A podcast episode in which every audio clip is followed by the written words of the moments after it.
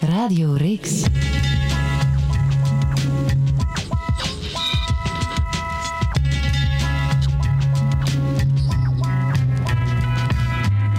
Welkom op Don Vitalski's Antwerpen in de jaren 90.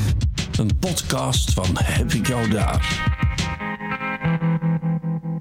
Gegroet dames en heren, welkom op de vijfde aflevering van deze indrukwekkende, mag ik toch wel zeggen, podcast Antwerpen in de jaren 90. En het is goed dat het coronacrisis is, want allerlei supersterren die het normaal veel te druk hebben om naar tricks te komen voor dit programma, hebben nu toch wel een gaatje in hun agenda.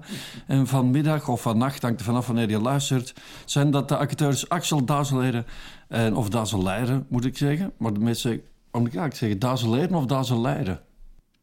Ja, dat is hetzelfde. Officieel is het eigenlijk Dazen leren, maar iedereen zegt Dazen leren en wij zeggen ook zelfs Dazen leren. Oké, dan zeg ik ook Dazeleren. En Ernst Leu, die ook een acteur is. Goeiedag. allebei. Goedendag, hallo. Wij gaan het vandaag met de deur in huis vallende hebben over Herman Terlink in de jaren Yes. 90. Ernst Leu, waarom ben jij een gewezen man om het over Terlink in de jaren 90 te hebben? Voor mensen die nu pas binnenkomen, Studio Terlink is dus een toneelschool die nu niet meer bestaat. Nu is daar de studio van Ja. Villanella, maar dat is eeuwenlang, namelijk sinds 1945 een toneelschool geweest. Ik ben ehm, eh, op een bepaald moment... Ik was in 1988 ben ik eh, weggegaan op, eh, als leerling op, bij, de, bij de studio Herman Terlink. Omdat ik niet kon dansen. En je moest, in die tijd moest je echt ook klassiek ballet kunnen en modern ballet. Niet onterecht. Niet onterecht. en bewegingsleer, je moest op je hoofd kunnen staan, enzovoort, enzovoort. En ik kon dat niet, of ik wilde dat niet. Dus op een gegeven moment he- heb ik de school vaarwel gezegd in het jaar 1988. En in 1992 was er een nieuwe artistieke leiding. Dus vroeger was de, de in mijn studententijd werd de leiding, eh, was de dagelijkse leiding van eh, meneer Alfons Goris, een zeer geduchte, strenge directeur. Die man die stopte op een gegeven moment eh, met directeur zijn. En toen werd het directeurschap overgedragen aan de grote acteur Jan de Cler. En die wou een hele nieuwe ploeg van docenten rond zich. En op een gegeven moment heb ik mijzelf, daar zal ik later misschien wat meer over vertellen, eh, er echt binnengewrongen om les te geven op eh, Studio Herman. Want ik wou dat zo verschrikkelijk graag. Wel, nu we daar zijn aanbeland, is dat toch direct interessant. Hoe heb je daar binnen gevrongen? Hoe is dat dan gebeurd? Nou, Ik zal je dat vertellen. Op een bepaald moment, ik, ben, ik ben altijd een beetje laat met, met alles. Ook, ik krijg nieuwtjes laat te horen. Dus ook het feit dat Jan de Cler eh, eh, eh, directeur ging worden... dat is mij pas zeer laat ter oren gekomen. Nu ken ik Jan de Cler al zeer goed, want mijn vader die heeft eh, de grote televisieserie Zilde Strandje geregisseerd in de jaren zeventig, waar Jan de Cler de hoofdrol speelde. Dus ik ken de man eigenlijk al vanaf mijn eh, achtste of zevende jaar. Hoe heet jouw vader, de regisseur? Leuwenstein. Dus dat is, een, dat is, dan moet dit niet te verwarren met mijn naam Leu, maar het is dus hetzelfde, maar dan en Stein. Oké. Dus mijn oma die had, had er eigenlijk genoeg van om met een man met één lettergreep te moeten samenwonen. Dus die heeft er toen en Stein gevonden en toen werd het Leu en Stein. Als je begrijpt wat ik bedoel. Maar dit terzijde. Ehm, eh, ik ben naar Jan de Cler gegaan op het moment dat alle leraren al gevonden waren. En ik zeg hem, Jan, ik wil zo graag lesgeven op studio. Kan dat? En hij zei, nee, want alle plekken zijn bezet. Maar de dag daarna kom ik hem opnieuw tegen. En hij zegt, ik heb Waar nog eens- kwam je hem tegen? In Café de Paliter. Want daar, kwam, daar kwam iedereen in die tijd. Het, het grote stamcafé van alles wat zich rond Studio Herman Terling zich eh, bevond. Ehm, zegt Jan de Cler tegen mij in de Paliter... ik heb er nog eens over nagedacht. Ik wil jou eigenlijk best wel bij de ploeg hebben. Ehm, en ik heb, ik heb een nieuwe cursus uitgevonden, namelijk de cursus creatief schrijven. En aangezien ik toen eh, met een popgroep bezig was en trouwens al mijn hele leven liedjes schrijf, toen zei hij: Zou jij die cursus willen geven? En toen zei ik ja. Ehm, zonder dat ik totaal, zonder dat ik wist wat ik daar ging doen. En ik heb daar ook weinig zinnigs kunnen brengen. Behalve dat ik daar het schrijverstalent van Axel Dazeleren heb ontwikkeld. Niet heb, heb ontwikkeld. Ik heb daar helemaal niks aan gedaan. Maar ik heb hem tijdens één, de eerste les die er kwam... heb ik gevraagd aan de mensen, aan die leerlingen... jongens, schrijf een gedicht wat als titel heeft... De lucht is blauw, ik hou van jou. En toen heeft Het Axel... grootste cliché. ever. De grootste cliché ever. En dat was de bedoeling ook. Dat was mijn bedoeling. Omdat namelijk mensen denken van poëzie En dat is, dat is zo hoogdravend. Maar nee, dacht ik, dat is niet helemaal waar. Want poëzie kan ook juist in de kleine André Hazes, Tante Leen eh, zinnetjes liggen. Dus daarom heb ik die titel verzonnen. En Axel heeft daar een ongelooflijk mooi gedicht over gemaakt. Dat was mijn beste leerling. Van welk jaar tot welk jaar heb je dan lesje gegeven op Tijdlink? Van 1992, toen heb ik eerst met... Uh, tot 2000. Dus eigenlijk de hele 90s? Eigenlijk wel, ja. Was jij een leerkracht en zat je dan op de afdeling toneel of de afdeling kleinkunst? Ik zat samen met Stef Bos en de Manu Kersting... hebben wij de, de, de afdeling kleinkunst uh, tot ons genomen. Um, en de, maar ik heb ook een aantal toneelproducties gedaan. Dus ik, ik heb bijvoorbeeld de klas die later Olympiek Dramatiek is geworden... met, met Tom de Wispelaar, Stijn van Opstal, Geert van Rampelberg... onder andere Ben Segers... Uh, daar heb ik een heel mooi project gedaan. En ik heb een schitterend project gedaan, ook voor toneel. Met onder andere de Ramzi Nasser en Koen de Graaf. En dat was Oedipus. Dat moet ik eerlijk zeggen, dat waren mijn twee absolute hoogtepunten. Maar ik heb ook ontzettend leuke dingen. En dus met... ook met Stefan de Gant en Kevin Janssens? Nee, nee. Dat is niet datzelfde jaar, toch? Uh, nee. Ah, nee, nee. Nee, nee, nee. Die kwamen in twee... Ik, weet ik niet meer. Maar ik weet... Ja, maakt niet uit. Axel, wanneer ben jij in tijdelijk binnengewandeld? 89. Dus als hij wegging, kwam ik binnen. Ah, werkelijk? Ja. Ah, ja. ja. en uh, ik heb daar gezeten tot 93. Heb je dat dan voltooid? Nee. Ja, dat is vreselijk als je op Wikipedia zoekt afgezwaaid bij tijdelijk. Dan sta je er gewoon niet tussen. Nee. Maar hoeveel jaar heb je er dan gezeten? Vier jaar.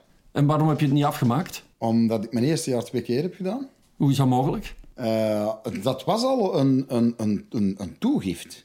Dus je deed een ingangsexamen in de zomer voordat je begon, als je mocht beginnen. Er kwamen 200 tot 300 mensen op af. En daar werden 20 tot 40 mensen uit geselecteerd. Ik zat in een groep van 36 man, wat een grote selectie was. In december heb je je eerste trimestrieel examen. Een aantal praktische proeven, voornamelijk spel en zang, want ik ben begonnen in de kleinkunst. Uh, en dan vielen er al een aantal af. En op het einde van het jaar werd, echt, uh, werd er echt een grote schift, schifting gedaan. Het is zelden dat heel dat jaar doorgaat. En ik, zat niet, ik moest niet vertrekken. Ik mocht, en dat vond ik ook al een soort van overwinning, mijn eerste jaar opnieuw doen. En dat heb ik dan ook gedaan. Dan ben ik daarin geslaagd. En vanaf het tweede jaar heb ik gevraagd, uh, dat was dan al 91, 92, heb ik gevraagd of ik naar toneel mocht gaan. Omdat ook mijn ik kon wel op mijn hoofd staan en zingen en, en dansen en springen en, en flikvlakken, maar ik kon niet zo goed zingen. Uh, ja. Dus ik dacht, tekst is meer mijn ding. Daar waar ik in het begin, als ik daar binnenkwam, heel veel schrik van had. Ik had zoiets van, ik ga die teksten allemaal van buiten moeten leren, tot op de letter. Dat gaat me niet lukken. Ik kan redelijk goed uitleggen, vind ik van mezelf. Toen ook al. Maar echt teksten tot op de letter. Maar dat lukte mij na die twee jaar al vrij goed. En ik voelde ook dat ik met die teksten beter en beter aan de slag kon. Ik dacht, En, en, muziek, notenleer was mijn ding niet en zo. Terwijl muziek mij heel hard boeit. Uh, ik was ook een van de betere leraren de cursus muziekgeschiedenis, wat eigenlijk nogal droog werd gegeven, maar wel interessant en heel ruim was. Dat, dat, dus dat was wel mijn ding. Maar uh, en ik vond zingen wel fijn. Koorzang kregen wij ook. We hadden enorm veel vakken eigenlijk. Hè.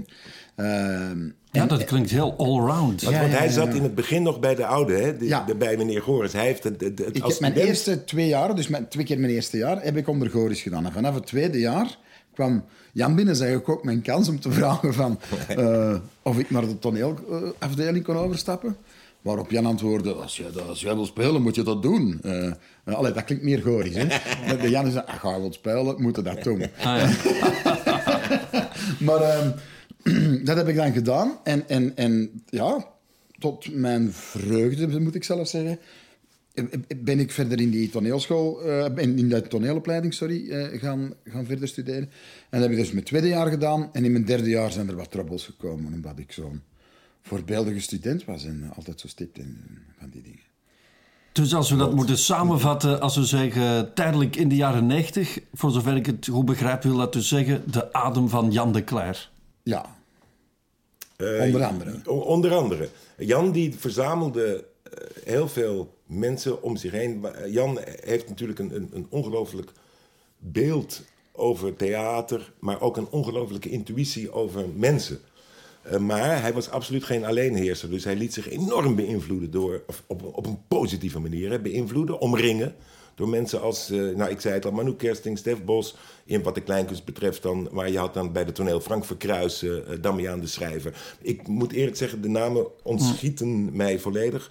Uh, maar het zijn er toch al nee, een aantal... daar toch aan flinke namen opgenoemd. Sommigen even les krijgen van Damiaan de Schrijver. Daarom, maar het was, ik moet wel eerlijk zeggen, zeker in het begin, het waren allemaal mensen, wij waren als docenten allemaal figuren die uh, eigenlijk geen ervaring hadden in lesgeven, punt 1. In pedagogie, ja. In, in, en vooral in de pedagogie niet. En, maar vooral, we wilden het niet zo doen als meneer Goris, de, de voorganger, had ja, gedaan. Dus het was een zware breuk, hè? ernstige breuk. Het was een ernstige breuk, maar dat, dat had dus ook. Maar we gingen dus allemaal het lesgeven uitvinden. Uiteindelijk kom je erachter, oh, dat is ook al eerder gedaan. Maar je had tenminste zelf het idee, hé, hey, die oefening die, die, die heb ik zelf verzonnen. Um, maar we gingen dus het lesgeven opnieuw uitvinden. Uh, maar daarbij kwam dus ook dat we theater ook opnieuw gingen uitvinden, dachten we. Wat dus tot enorme strubbelingen vaak leidde onder de juryleden. Dat echt gewoon puinhoop met de hoeveelheden alcohol die daar waren. Er waren ook zeer veel ouders die um, uh, kloegen of klaagden. Ik weet niet wat het is. Kloegen. Uh, kloegen over het, um, de manier van lesgeven. Die dachten dat is een hoerenkot daar. En alle docenten doen het met alle studenten en, en wederzijds en noem maar op. En Is dat- is dat- absoluut niet. Was, wat absoluut Maar niet Axel, was. Echt dat was mijn eerste teleurstelling. Was jouw moeder bezorgd, Axel? Nee, helemaal niet. Helemaal Ja. niet. Nee. Nee, maar luister, ik, ik had ervoor ook al een, jaar, eh, een paar jaar gepasseerd op de universiteit. Ik was gelukkig geen allerjongste snaak als ik er binnenkwam. Wat heb je op de universiteit gestudeerd? Gestudeerd. Ik was ingeschreven in de rechten. Ah ja, cool. Eh, en het eerste jaar hier in Antwerpen, en dan heb ik het nog wel een beetje moeite gedaan, maar dan heb ik dat jaar opnieuw moeten doen, alleen moeten doen in Namen, op de faculté universitaire Notre-Dame de la Paix de Namur. Maar dat was meer, ik wou toen eigenlijk aan de studio gaan. En mijn ouders zeiden van nee, je moet eerst een diploma hebben en daarna mag je je hobby ontwikkelen. Want zo zagen zij dat toch ook, zoals vele andere ouders. En ehm, ja, ik, dat jaar in Namen heb ik, was ik louter ingeschreven eigenlijk. Het was dus voor mij ook een reflectiejaar geweest. Ehm, een, een, een soort van, eh, hoe noemen ze dat nu? Een sabbatical Sabbat, ja. eh, in plaats van te gaan reizen, ben ik gaan rondreizen in België. Want ik zat amper in Namen. Ik, ik, eh, dikwijls ging mijn vader mij afzetten aan het station met mijn, Hm. met mijn rugzak of mijn valies eh, voor een week naar Namen te vertrekken. En dan deed ik of dat ik naar perron ging. En dan zag ik of dat hij weg was. En dan had ik terug naar beneden. En ging ik slapen bij vrienden en vriendinnen op kot. Maar Axel, als ik eh, ernst mag geloven, ontstond er dus een beetje een kwalijke reputatie rond Studio Tijdelijk. Hoe heb jij dat dan ervaren? Klopte die reputatie? Nee, helemaal niet. Eh, ik vond het een heel boeiende periode. Een van de belangrijke mensen die ik nog heb meegemaakt, want ik heb niet heel de jaren 90, hè, eh, ik bedoel, Nee, tot eh, van... begin, begin 93, allee, eh, midden 93 eh, heb ik, eh, ben ik daar buiten gewandeld. Met een lichte trap onder mijn, eh, onder mijn anus. Eh, maar Peter Gorissen liep daar ook Ja. rond. En die had natuurlijk, die, die, die, die geloofde nogal in het eh, samen verdiepen en verzinken en verkneden en versmelten van zielen om van daaruit de essentie van de creativiteit te ontdekken en weet ik veel wat. Ik stelde die man ook vragen, want ik had op dat moment... ehm, dus ik was mijn tweede jaar begonnen en, en, ik heb dan nog mijn derde jaar gedaan. We hadden bijvoorbeeld ook les van Renilde de Cler. Eh, Jappe Klaas, als mensen die nog kennen, en dat denk ik wel. Eh, er zijn allerlei eh, ideeën over, Jappe, maar die gaf wel goed les ook. Heb ik veel aan gehad aan die man. Wil ik toch wel even zeggen. Ehm, maar die Peter Gorissen was een heel... Nu nog altijd een acteur, hè? Die zat bijvoorbeeld ook in de twaalf onlangs, Ja. denk ik. Mensen gaan hem kennen als ze hem zien. Die naam gaan, gaan, veel mensen aan voorbij. Maar die man had wel een heel enorme impact op, op zeker die nieuwe groep leerlingen. Want wij waren natuurlijk nog van de oude stempel. Hè, wij, wij zaten al een jaar, of in mijn geval twee jaar. Eh, dus wij, hadden, wij waren nog de, de, de school van Goris, zal ik maar zeggen, voor een stuk. Maar ik vond dat heel fascinerend wat die mensen doen. Ik ben toen gaan zien op de oefeningen van het eerste jaar in de kelder. Dat was waanzin, ja. En dat was een soortement van... ja. Wat was dus? Beschrijf dat eens in detail. Wat, wat voor oefeningen waren dat dan? Wel, die, die, die, die jonge mensen werden niet verplicht, maar uitgenodigd en zo, werden ze van heel diep te gaan. Dat waren... Mag ik het vergelijken met wat ik mijn eerste jaar heb ervaren? Wij deden oerelementen. Dat, dat zijn oefeningen van Stanislavski.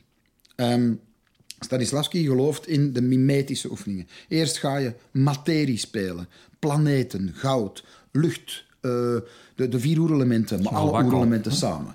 Eh, daar moet je, als, als je daar binnenkomt, heel veel verbeeldingskracht voor hebben en, expressie, en dat expressief doordrukken om, om, om, om dat te begrijpen, zo'n oefening. Ja, ik zou het niet kunnen. In mijn eerste jaar BIS vond ik dat waanzinnig interessant. In mijn eerste jaar begreep ik dat niet zo goed. En doe de anekdotisch een aantal dingen. Maar in mijn eerste jaar BIS, daarom is het eerste jaar opnieuw doen, voor mij heel leerrijk geweest. Je gaat echt in die materie van wat het is. En ik was op dat moment Jupiter of goud.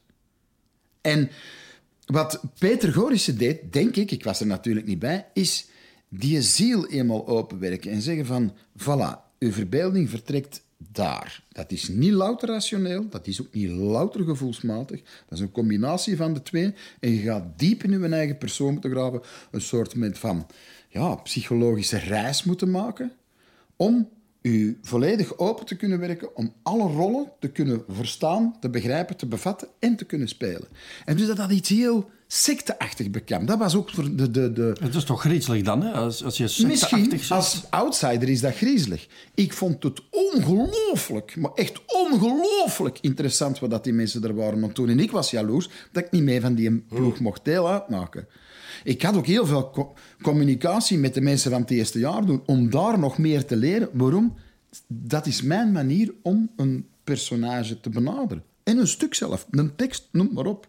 Omdat die echt tot in de kern gingen. Die gingen naar een diepte wat ik nog nooit had gezien op En dat was Nog letterlijk nooit. in een... Zelden. En dat was letterlijk in een kelder. Dat was letterlijk in de kelder. En daar- Dus ze en- en- gingen diep in Ja. de kelder. Ja. Ze gingen diep in de kelder. Maar, en dan, nu komt het genie van Jan de Cler boven. Wat namelijk de, de leerlingen van het eerste jaar... die werkten dus met eh, Peter Gorissen. Hè, zoals Axel net vertelt. Inderdaad, letterlijk vanuit de kelder en vanuit je eigen kelder. Maar daarna, wie was de tweede meester? Luc Perceval. Juist. Die dus met die, die ge- eh, eh, eh, studenten die vanuit die, in die kelder die kwaliteit hadden. Oké jongens, maar de kelder is niet genoeg. Het is wel theater, dus het moet wel, het moet wel stralen. Het moet wel naar de sterren toe. Je gaat niet, niet de hele tijd in een hoek blijven zitten omdat jij je zo in je kelder voelt. En als enige dat interessant vindt. Nee, dit, nu gaan we de kelder meenemen, maar we, we gaan het beeldend maken. En, Een en, en dat was dan Luc Perceval. En, en, en daar, dat is het En daar een vormentaal, een vormentaal aan koppelen. En een vorm daaraan. Dat, een dat is het belangrijkste. ja, ja. Want wat dat er eigenlijk gebeurde was eh, de conditionering weghalen. La condition humaine een beetje ontrafelen van die jonge snaken die een opvoeding hebben genoten. Daar wordt, daar wordt niet meer gezegd van smijt die opvoeding weg. Nee, nee, dat zijn normen en regels die je moet hanteren als je gewoon als persoon beweegt in de maatschappij. Zeg maar, wij gaan die maatschappij bekritiseren, ontleden. Eh, We gaan er iets, iets nieuws van proberen maken en laten zien wat de pijnpunten zijn in die maatschappij via een toneelstuk. En daarover, ondertussen gaan we het hebben over mensen en situaties en, en visies. En dat is, dat is, die vormentaal heb je daarvoor nodig. Maar je hebt die openheid van, van, van ziel en geest en lichaam en persoon nodig om je volledig te kunnen werpen in dingen. Het zijn ook allemaal bijna stuk voor stuk heel goede acteurs en actrices geworden. En, en, da- en degenen die geen goede acteurs of actrices werden, die belanden in de psychiatrie dan? Of hoe moet ik dat zien? Dat zit ja, nou ja, echt niet in de psychiatrie, maar dat zijn wel inderdaad de mensen die. En daarom snap, nee, nee, maar daarom snap ik je vraag wel net van. eh, eh, is dat niet een beetje eng? Van de, de situatie van. of de lesgeving van Peter Goorsen. Als je geen enkel benul hebt van waarom jij eigenlijk acteur wil worden. Voilà. En je doet dat gewoon omdat je dat wel interessant vindt, omdat je beroemd wil worden of zoiets. maar je hebt echt geen enkel benul. Dan zijn er inderdaad wel mensen die het totaal Peter Gorissen verkeerd begrepen hebben. En die kon je inderdaad, niet met ernstige gevolgen, maar die, die kon je wel in met totale verwilderde ogen de boel totaal verkeerd eh, Ja, maar en die, zijn, te begrijpen. die waren vermoedelijk ook even de weg kwijt. En die waren ook even eh, de weg Maar kwijt. dat is dat zo erg. Ja. Het is niet daarom dat iedereen er aan een akkoord ging hangen of dingen. Er zijn andere mensen, door dat mee te maken, hebben gezegd van... Oké, dit is eigenlijk totaal niks voor mij. En die zijn nu iets heel goed in iets anders geworden. Met evenveel respect voor al die andere beroepen. Hè. Maar je moet, dat is wel de essentie. Je moet, als je daar binnentreedt, wel weten wat de materie is, waar dat gewoon begint.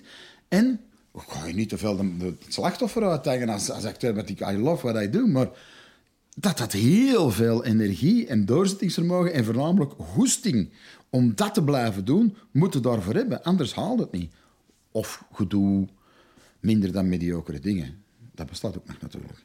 Ernst, uh, je zei een van jouw collega's als lesgever op Tijdelijk was Bram Vermeulen. Die was dan juist bezig aan zijn laatste decennium, want die is uh, in 2004 jammer genoeg van ons heen gegaan. Heb je memoires aan Bram Vermeulen?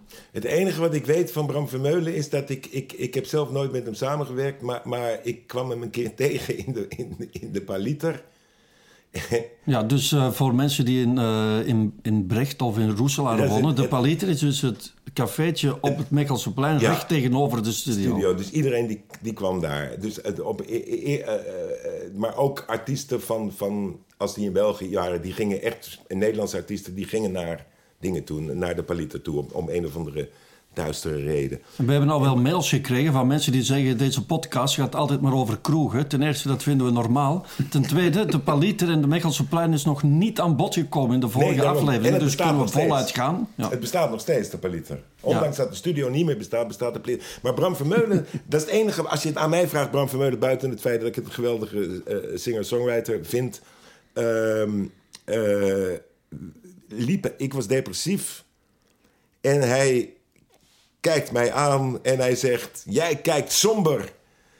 Je moet pret hebben in het leven. Pret! En dat riep hij op zo'n angstaanjagende manier dat ik dacht van... als dat pret is, liever depressief. Dat is de enige persoonlijke anekdote die ik heb met Bram Vermeulen. En wie waren jouw andere collega's nog? Mijn andere collega's? Uh, je bedoelt... Ah, als... Stef Bos, zei je nog. Stef, Bos en Manu Kersting. Ja, ja. ja, ja. Manu Kersting ook een echte antwoord. Ah, daarom zei je Bram Vermeulen, maar je bedoelde Stef Bos. Nu Wel, in ieder geval was Bram Vermeulen toch een collega van je? Ik weet niet of hij de les heeft gegeven op, op studio. Ja, ja, of. En Stef Bos, hoe, hoe, voelde die zich een beetje lekker? De Stef Bos die voelde zich enorm lekker, ja. Die, die, die, die, uh, die, ja, die, dacht, die had toch wel het... Uh, op een of andere manier, maar die jongen die had uh, het, het voordeel... dat hij had student pedagogie geweest vroeger. Oh. Dus die wist ook wel, of dacht te weten... maar in dit geval wel wist echt wel hoe je ook echt mensen rustig kan krijgen. Dus daar waar ik het moest hebben van mijn energie en van mijn bezetenheid. Om, als ik later aan leerlingen vroeg, of uh, uh, mensen die afgestudeerd waren. Ik had best wel een goede naam als docent, maar ik wilde weten waarom eigenlijk. En toen kreeg ik van meerdere te horen omdat jij ons echt de noodzaak hebt bijna erin gepropt zo van, als je, geen, als je niet weet wat je komt doen... als je niet weet wat je op een podium komt doen... als je niet weet uh, uh, wat een bepaalde zin voor jou betekent... als je niet weet waarom je een lied wil zingen... Uh, de, en ik ging daar schijnbaar heel ver in... dan moet je het niet doen... Maar was die Stef Bos niet te veel een beetje een afgeborsteld figuur om dan in, in ja, die intense... maar dat was natuurlijk wel een mooi, mooi tegenwicht. Dus ik was dan het, het beest, zeg maar, de bijter. En hij was dan de, de zalver en, en die dan met pedagogische uh, trucken mensen tot rust bracht. Good en dan, cop, en bad cop. En daartussenin had je Manu Kersting. Ja, die, die, ook eigenlijk een zeer Antwerps figuur is. Want het is al ja. een Antwerpse podcast. Uh, Manu Kersting is toch de zoon van Gregor Kartay. Ja. Een man die legendarische zolderavonden oh. met zigeunermuziek organiseerde tot in de jaren 90 toe. Maar was hij niet erg jong, die Manu Kersing? Die was twee jaar ouder dan ik, maar we waren oh, allemaal ja? jong. Hè? Oh. Stef was de oudste, maar ik was uh, 29, 28 toen ik begon. Dus er waren inderdaad...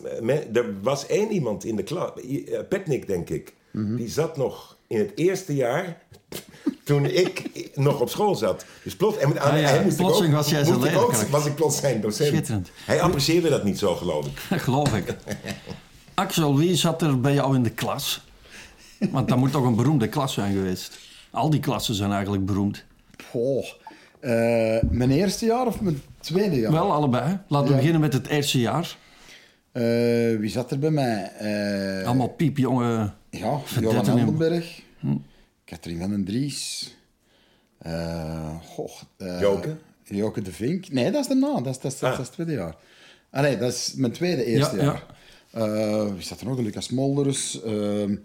Oh, ik vergeet er nu een aantal. Omdat ik daar maar één jaar heb mee samengezeten. Met anderen heb ik drie jaar samengezeten. Snap je? Ja. Dus heb ik mijn tweede keer mijn eerste jaar gedaan. Maar je hebt toch al, toch al flinke namen, Johan Hel Heldenberg en consorten. Ja, en wie dan het tweede jaar?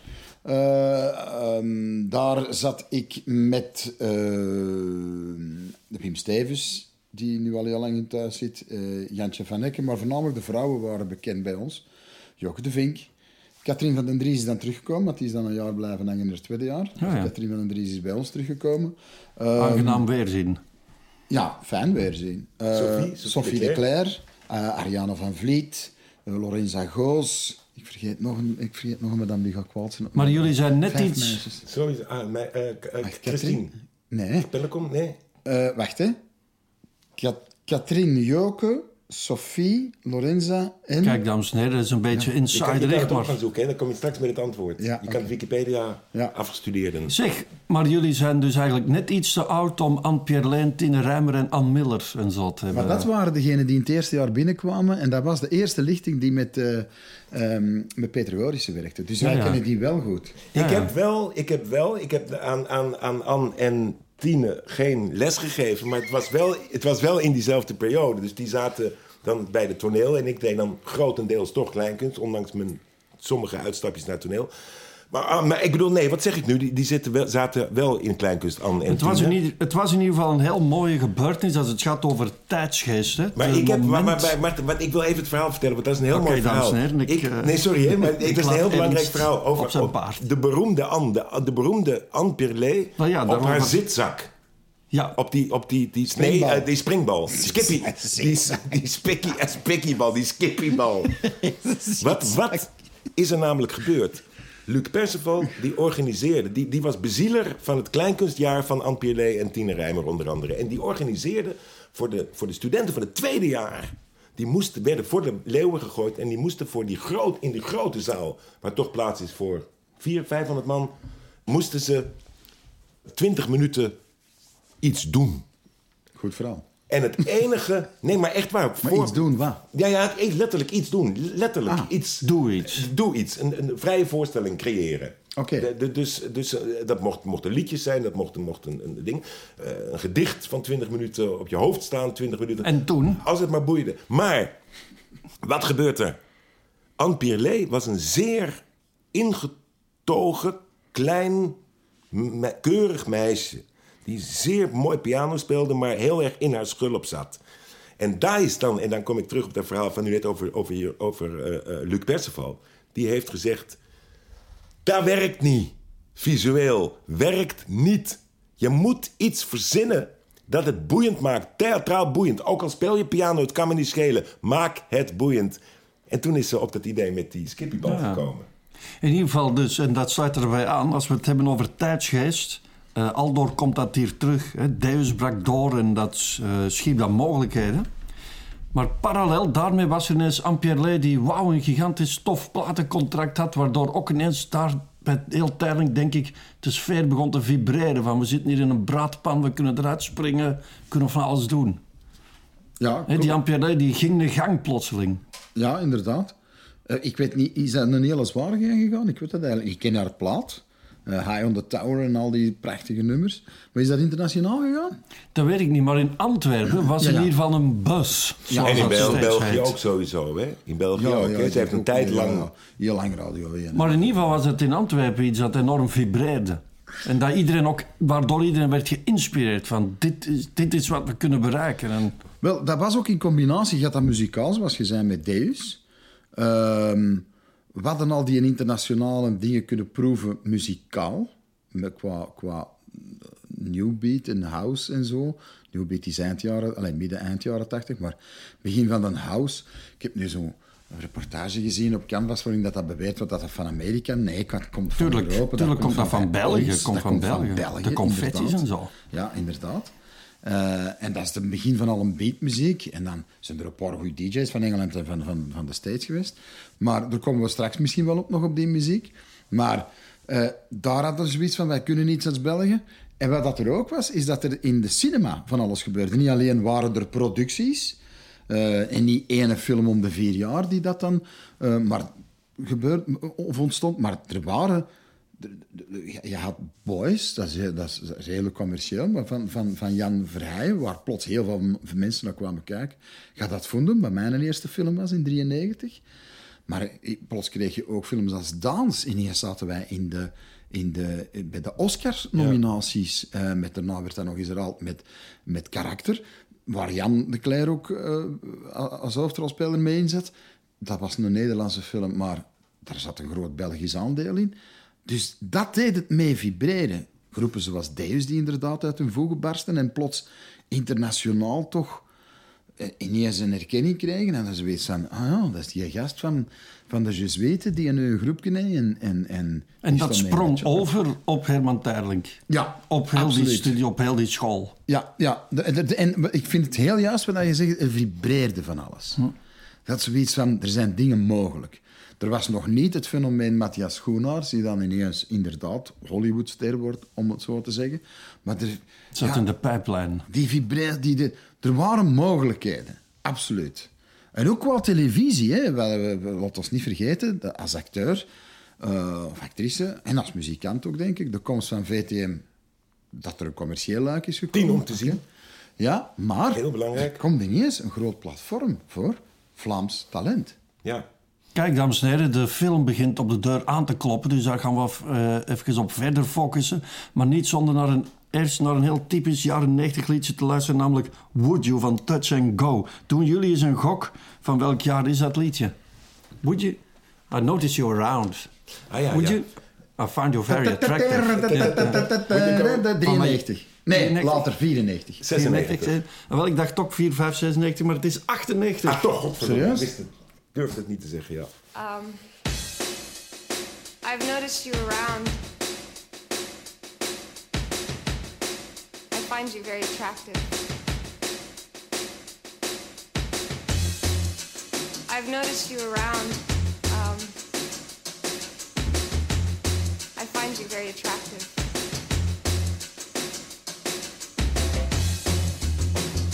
I find you very attractive. Um, would you go to bed with me?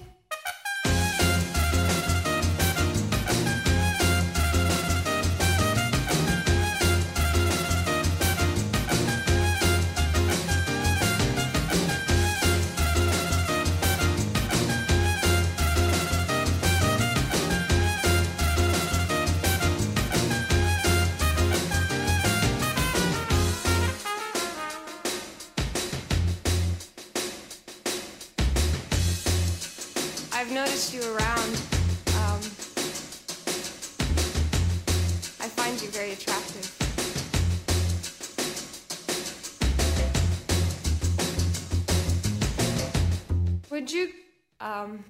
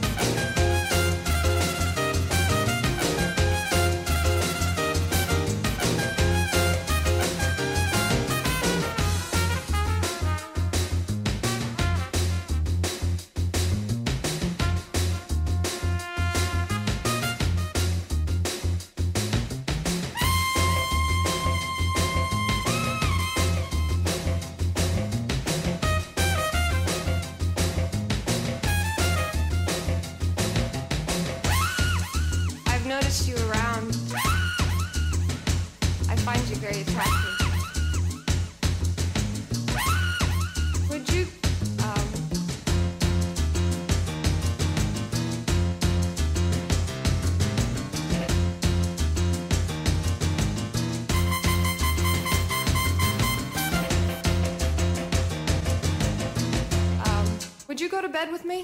Axel, jij bent dus in 93, zoals je zelf zegt, met een trap onder je kont bij Terlink weggetrapt. Maar dat was niet zo heel erg, want jij mocht direct meespelen in een film van Erik van Looy, namelijk Ad Fundum. Dat was mee een van de aanleidingen trouwens voor die trap. Maar bon. Ah, ik dacht, ik dacht die is weggegaan bij school omdat hij al werk had, maar het is andersom gegaan. Wel, de, de, de policy op, op studio was: je, gaat, je neemt eh, geen eh, werk aan terwijl je aan het studeren bent. Omdat je dan Belachelijk. Je klasgenoten in een lastig parket zet. Als je aan een productie bezig bent. Tenzij je toelating krijgt. Eh, En je kreeg die niet. ik kreeg die officieus wel. Maar Ah. dat stond nooit op papier en dat is me daarna ook gedeeltelijk in het gezicht gevreven. Dat samen met een aantal disciplinaire regels die ik aan mijn laars slapte, Zoals? te laat komen. Ah ja, dat mag niet, Axel. Nee, dat is niet oké. Dat is een ziekte waar ik al heel mijn leven mee kan. En ik Nu weet was je wel op tijd. Je was wel onderweg naar de studio hier, omvergewaaid door de fiets letterlijk, maar je was toch eigenlijk mooi op tijd. Ja, ik was redelijk op tijd hier ook. Ja. Ik werk daaraan. Ik weet dat dat mijn probleem is, maar ik denk dan, als dat het enige probleem is, ik ken veel mensen met veel andere problemen. Maar het is, in ieder geval, het is in ieder geval niet zo erg om van school te worden getrapt als je direct de dag daarna op een set staat met eh, allemaal toffe...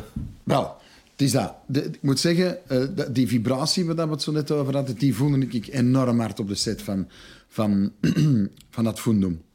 Is dat nu de beste film aller tijden? Misschien niet. Hij is wel actueel, want die film Ja. gaat over een studentendoop die morbid uit de hand loopt. Hè? Ja. Precies wel reuze gomma van la lettre. Ongelooflijk. Wel, dat is het, inderdaad. Eh, en, en, en wij hadden wel het gevoel, iedereen had er enorm veel zin in. Hè. Zoals Ik blijf dat maar herhalen. Brels een definitie van talent is avoir envie de faire quelque chose. Dus als de goesting er is, zal ook meestal de kwaliteit wel volgen. Maar dat vibrerende voelde aan iedereen, we zijn hier iets aan het maken. En ik had iets, voor mij was dat een onwezenlijk gevoel. Ik sta in een film. Ik vond dat ongelooflijk. Werd die voor een deel ook in Antwerpen opgenomen, die film? Grotendeels. In Turnhout waren er een aantal scènes, maar eh waren ook heel veel scènes. De doopscènes bijvoorbeeld was hier op Conscienceplein, het mooiste plein van heel de Ja, wereld. want hoe was, die sfeer, hoe was de sfeer dan op die set? Gaat dan gedaan met filmen, maar je was in jouw stad, in de koekenstad, Ja. met die set. Was dat dan feest ook, of was het toch gaan slapen morgen vroeg op? Dat was altijd, en ik zweer het u, elke draaidag feest. Iets wat nu amper nog gebeurt. Waar was er dan een feest na zo'n opname? Als je dan bijvoorbeeld op Cons- Conscienceplein gefilmd had, wat gebeurde er daarna dan op Wel, zondag? tijdens de opnames al eens naar de aangrenzende studentencafés. Er was bijvoorbeeld een doedelzak waar ik ook als DJ werkte. eh pinten gaan halen. Er werden pinten uitgedeeld op de set. Eh, officieel moest dat alcoholvrij zijn, maar officieus had iedereen wel eh, een flesje drank bij. Je moest ook heel de nacht in die sfeer van die dingen zitten. Er zijn geen wantoestanden gebeurd toen. Oh, er zullen wel een aantal mensen dronken geweest zijn op het einde van zo'n draai-nacht dan voornamelijk. Maar als die draai-nacht voorbij was, dan moest er even nog wat stoom afgeblazen worden van, van, van die adrenaline die we daar gevoeld hebben. En dan gingen wij... eh Dodelzak was in, soms nog open, maar naar de Paliter of naar het wereldbefaamde eh, café op de Vogeltjesmarkt dat 24-7 open is, De Rui. Daar, De Rui, ja, daar. Was, je, was je dan meteen ook aantrekkelijk? Omdat je dan al een beetje een filmster was? Als je in de paliter binnenwandelde, hing er dan al een aura rond jullie van die komen van een filmset? Wat een vraag, Vital. Was ik toen al aantrekkelijk? Ik was aantrekkelijker dan nu, vermoed ik, omdat ik jonger was. Ja, maar, ja, eh, maar ook gewoon door die bezigheid, door die omgeving, het aura van de filmster. Ehm, was ik mij niet zo bewust van, eerlijk gezegd. Nou, dan zal ik, dat vragen aan, ik zal dat eens vragen aan Ernst, want die deed in 95. Dus jij, jij eh, Axel, werkte dan met Erik van Looy, dat was zijn debuutfilm. Maar terwijl ongeveer zat Ernst met Robbe de Hert, die toen al een oude knakker was met ja. Brill Cream Boulevard. Wat was dat voor een film, 95? Eh, eh, ik weet niet, niet, dat was het vervolg op Eh, dingen, hè? Eh, Blueberry Hill. Blueberry Hill, ja. Prachtige film, Blueberry Ja, Hill. En ik moest er een leraar spelen. En ik weet... Je gaf les en je moest dan ik terwijl ook nog een leraar En ik spelen. moest scooter rijden en dat ging allemaal verkeerd. Want het ding sloeg steeds af. En ik moest Hilde Heine kussen. De grote actrice Hilde Heine. Toen, toen zeker beroemd, zeer beroemd nog. En eh, ik moest die kussen, maar ik had nog nooit eh, film gekust. En ik Gefilmkust. ben- gefilmkust, ja. Ik filmkuste wij. Wij hebben gefilmkust. Gefilmkust. En toen... En, en toen, eh, maar ik ben nog wel een heftige kusser. Dus ik dacht, ik, ik, kus zoals ik in het echt eh, mijn toenmalig lief ook kus. Allee, schat, je frit dat op. Dat was het antwoord van, van Robert de. Allee, zo, je frit dat masker op. Je frit dat masker op. Echt, jongen, kan er wat kan er wat rustiger. Klein. Dat was mijn, eh, mijn eerste filmervaring. Ik vond dat geweldig. Maar die Robin, die, ik vind dat zo'n Fantastische kerel. Droeg hij toen al een uh, handdoek in zijn nek? absoluut. En ik heb ooit vernomen waarom. Misschien weet Axel het, maar ik weet het niet meer waarom. Er, was, er is iets. Het had niks met show te maken. Die, die Nee, handdoek. dat is tegen het zweet, hè? Ja, hè? Maar hij dronk twee flessen gin s'nachts op en dan, dan zweet je natuurlijk de hele dag alcohol Ah, oké. tegen uit als je werkt. Ja, ja, ja. En, en dat was om te kunnen zijn oog afkuisen, dat hij mee door het oog van de camera moest kijken. Ah, oké. Eh, om dat allemaal niet te bevochtigen en zo. hè. Ja. Heerlijke man. Hoe gingen die films dan eigenlijk? Want Axel, je hebt dan ook nog meegespeeld met She Good Fighter en met Dief. Ja. Later, maar dat is een helemaal ander uh, teamspirit. Maak ik het nu niet over hem, want dat vind ik niet meer 90s. Dat is juist het an- de andere industrie. Er is ook maar nog dingen, eh, alles moet weg. En alles moet weg, ja. Ja. Hoe, eh, hoe, werden die, hoe gingen die films, hoe werden die gedistribueerd? Hadden die veel afnamen? Ehm, wel, we zitten ook nog in Tera. Je hebt natuurlijk eerst de, de, de, de, de cinema. Eh, en die films werkten heel goed. Waarom? Om, ik zeg het, er was een opleving van Vlaamse cinema. En niet alleen verfilmingen van Ernest Klaas en Felix Timmermans, bij wijze van spreken. Ja, misschien is dat ook iets uit de 90s. Hè. Het emanciperen van het boerenklomp-films Ja. van de Vlassaar. Hoewel dat ook mooie films waren. Maar Ja, dat mooie films, maar waren. het ging plots over ons leven vandaag hier in dit land. Ja. En, en het, het gezin van Pamel ging over de jaren stilletjes, weet ik veel wat. Nou. En plots kwamen er films met personages en situaties die gingen over het leven van vandaag in Vlaanderen. En dat was nieuw. De grote, de eerste film die echt zo was, was is de jaren tachtig, was Zamman van Patrick de Bon. En dan was Boys eigenlijk de eerste, die ging over jonge mensen, hoe dat, toen, hoe dat die ja, spreken met elkaar, omgingen met elkaar. Dan was er natuurlijk eh Ad Fundum in Indië-stijl verder She Good Fighter, over mensen van vandaag die, die, die, oh, die wel wat gutsen en, en, en, en die dingen meemaakten. Zo wat, eh, ja, eenvoudige films, maar voor een breed publiek. Waarvoor dat mensen dan ook echt naar de cinema gingen. Wel, hè? voilà. En dat vonden mensen heel fascinerend, dat ze konden kiezen tussen Jurassic Park of het Fundum. En wij hadden net iets minder, maar wij hadden ook heel veel.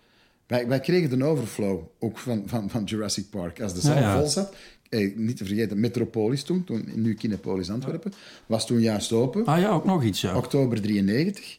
Ook dat komt er nog eens bij. Wij gingen ervoor altijd naar Kinepolis Brussel. Hè. Wij pakten een auto, wij, gingen, wij propten met ons met zessen in een auto. Dan gingen wij samen naar de cinema in Brussel. Ineens waren nu de, de wereldpremières in de luchtbal. Ja, absoluut. En dat zorgde er ook voor dat mensen zoiets hadden van... hey, samen met, met het VTM-principe en weet ik veel wat... wij betekenen iets in de wereld. Wij zijn niet die kleine kneuterige Bla- Belgen of Vlamingjes. Wij kunnen ook iets maken. En wij zijn te zien op het scherm. Dus die reflectie hadden mensen wel. Dus er kwamen heel veel mensen naar de film. Plus, achteraf had je ook nog eens het videocircuit. Dus die film leidde drie levens. Ah, ja, ja. Die kwam eerst uit in de cinema. Dat scoorde goed. Die video's werden... In de ongelooflijk- videotheken. Ja, ongelooflijk Oh, veel zalig. verkocht. En daarna kwam die nog eens op tv. En als die op tv kwam... We keken er nog eens op iedereen hem gezien, ja. Ernst als jij een film ging halen in de jaren 90 in de videotheek, spoelde jij die dan wel terug als je ze moest inleveren?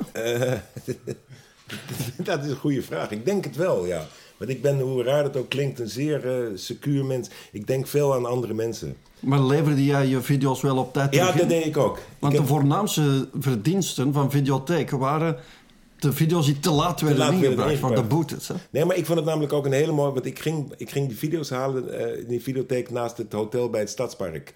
Op de, op de, Ja, ja, maar een heel goede videotheek. Fantastisch. Na Le Grand Bouffe of in de zo. Jodenbuurt.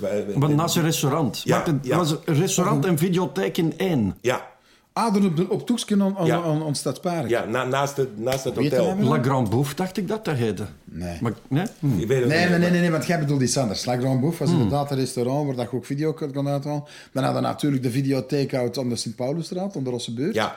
Ook heel gekend. Maar die er op de hoek, ben ze een naam kwijt. Beste. Gewoon videotheekout. Takeout. Maar naast het hotel. Dat, dat is het Ja. enige wat ik nog weet. Ja. Die, die had heel veel. En die had heel veel Franse films, dat jij nu naar Ja. Alright. Al die oude Franse Zalig, klassiekers uit de jaren 60, 70, 80 waren er ook te, veel- te, te vinden. Bourville, Fernandel eh, en, en, en De Finesse, maar ook de serieuzeren en, en Tati en zo. Dat konden er allemaal, dat konden er allemaal gaan huren. Oude, dat er eh, allemaal tegenwoordig kijken mensen precies niet meer naar oude films. Hè? Nee, Het moet allemaal zo van, van dit jaar zijn precies. Ja. Dat is jammer, hè?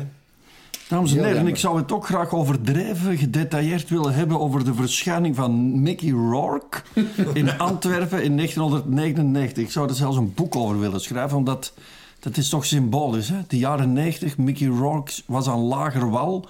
En waar belanden hij op de lange duur in dat rioolputje Antwerpen? Hebben jullie Mickey Rourke persoonlijk tegengekomen toen? Nee, ik niet. Ik zat in de film met een heel klein rolletje. Die film heette Shades, was ook. Erik van Looy. En jij speelde een garageportier of zo. Nee, nee, ik speelde een, een, een, een... Ik speelde... Maar het was een film in een film. En ik speelde een, een flik. Een, een, eh, een, een figurant eigenlijk. Maar ik had eigenlijk wel een rol. Ik werd dan op een gegeven moment ook in het toilet ineengeslagen door mijn leermeester Jan de Cler. Oh ja?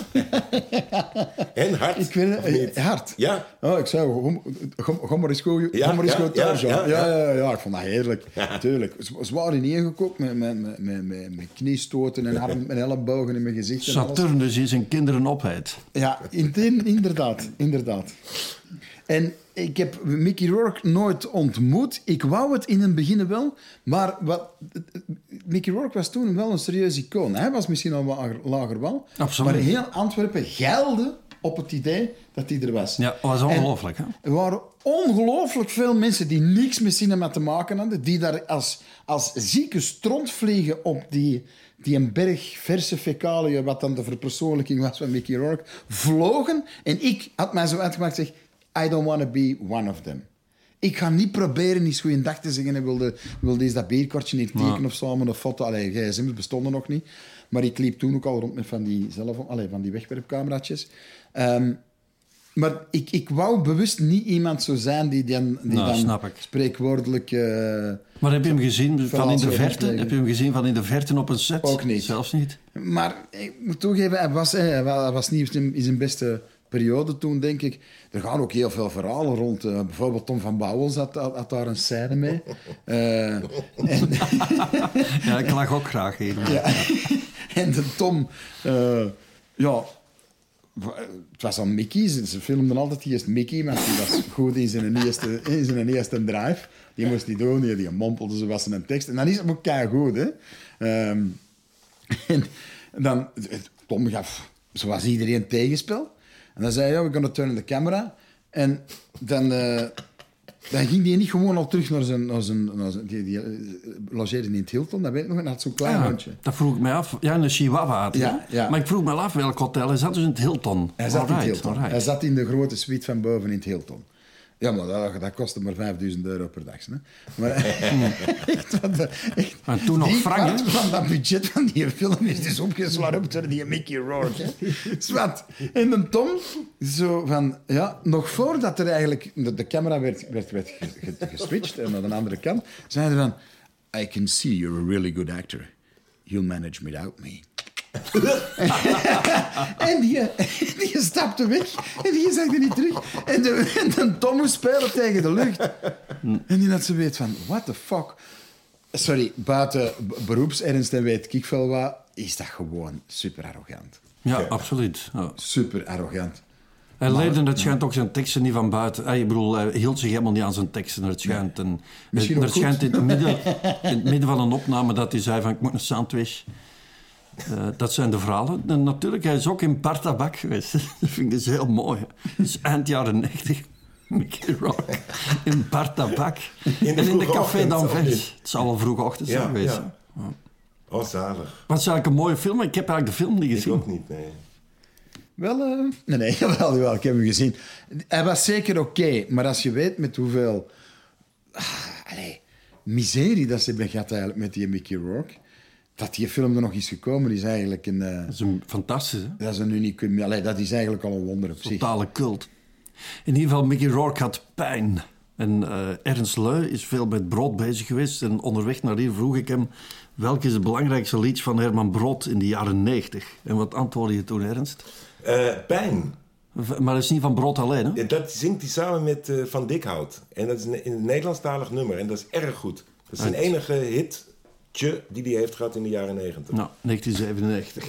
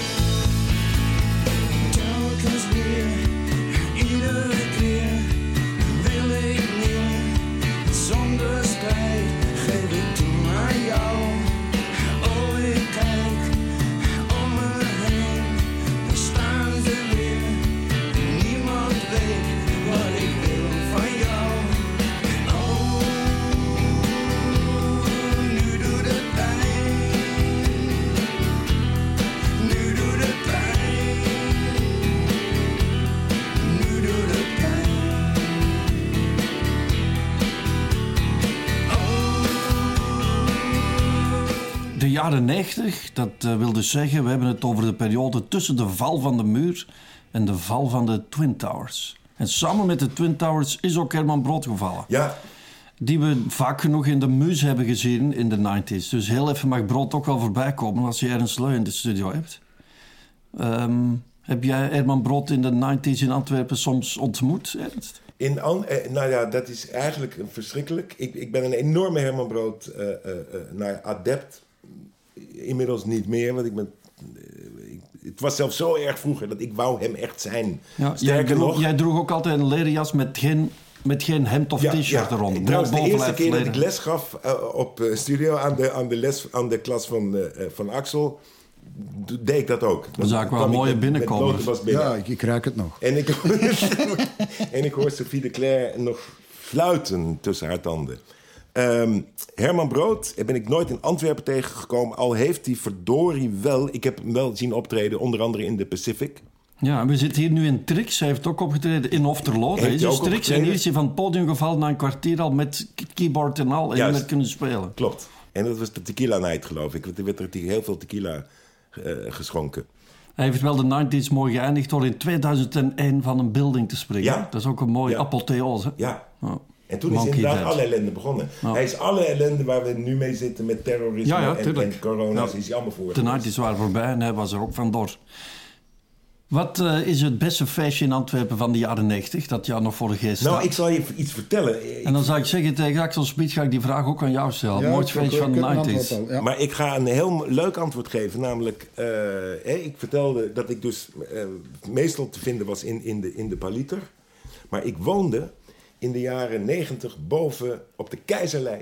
Had je op de hoek Club Gansia.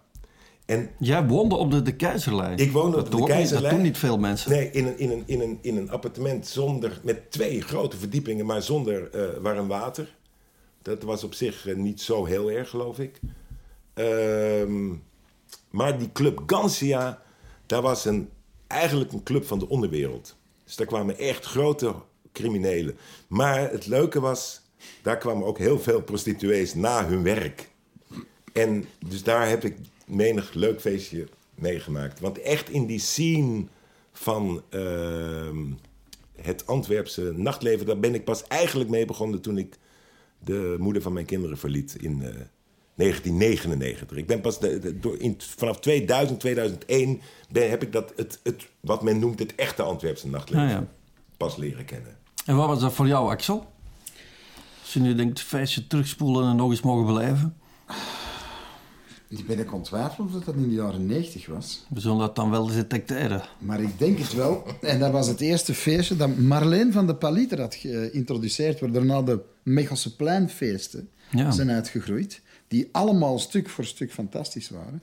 Maar de eerste was georganiseerd door een Marleen eh, voor Jan.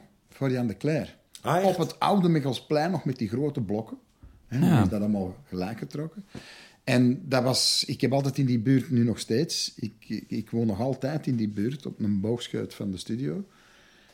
En dat is altijd mijn, mijn, mijn, mijn playground geweest. Dat is altijd mijn, mijn achtertuin geweest, eigenlijk. Wel, dames en heren, dan zullen we gewoon afsluiten, want dit uur is voorbij gevlogen. Bedankt Ernst, eh, bedankt eh, Axel. Mijn plezier.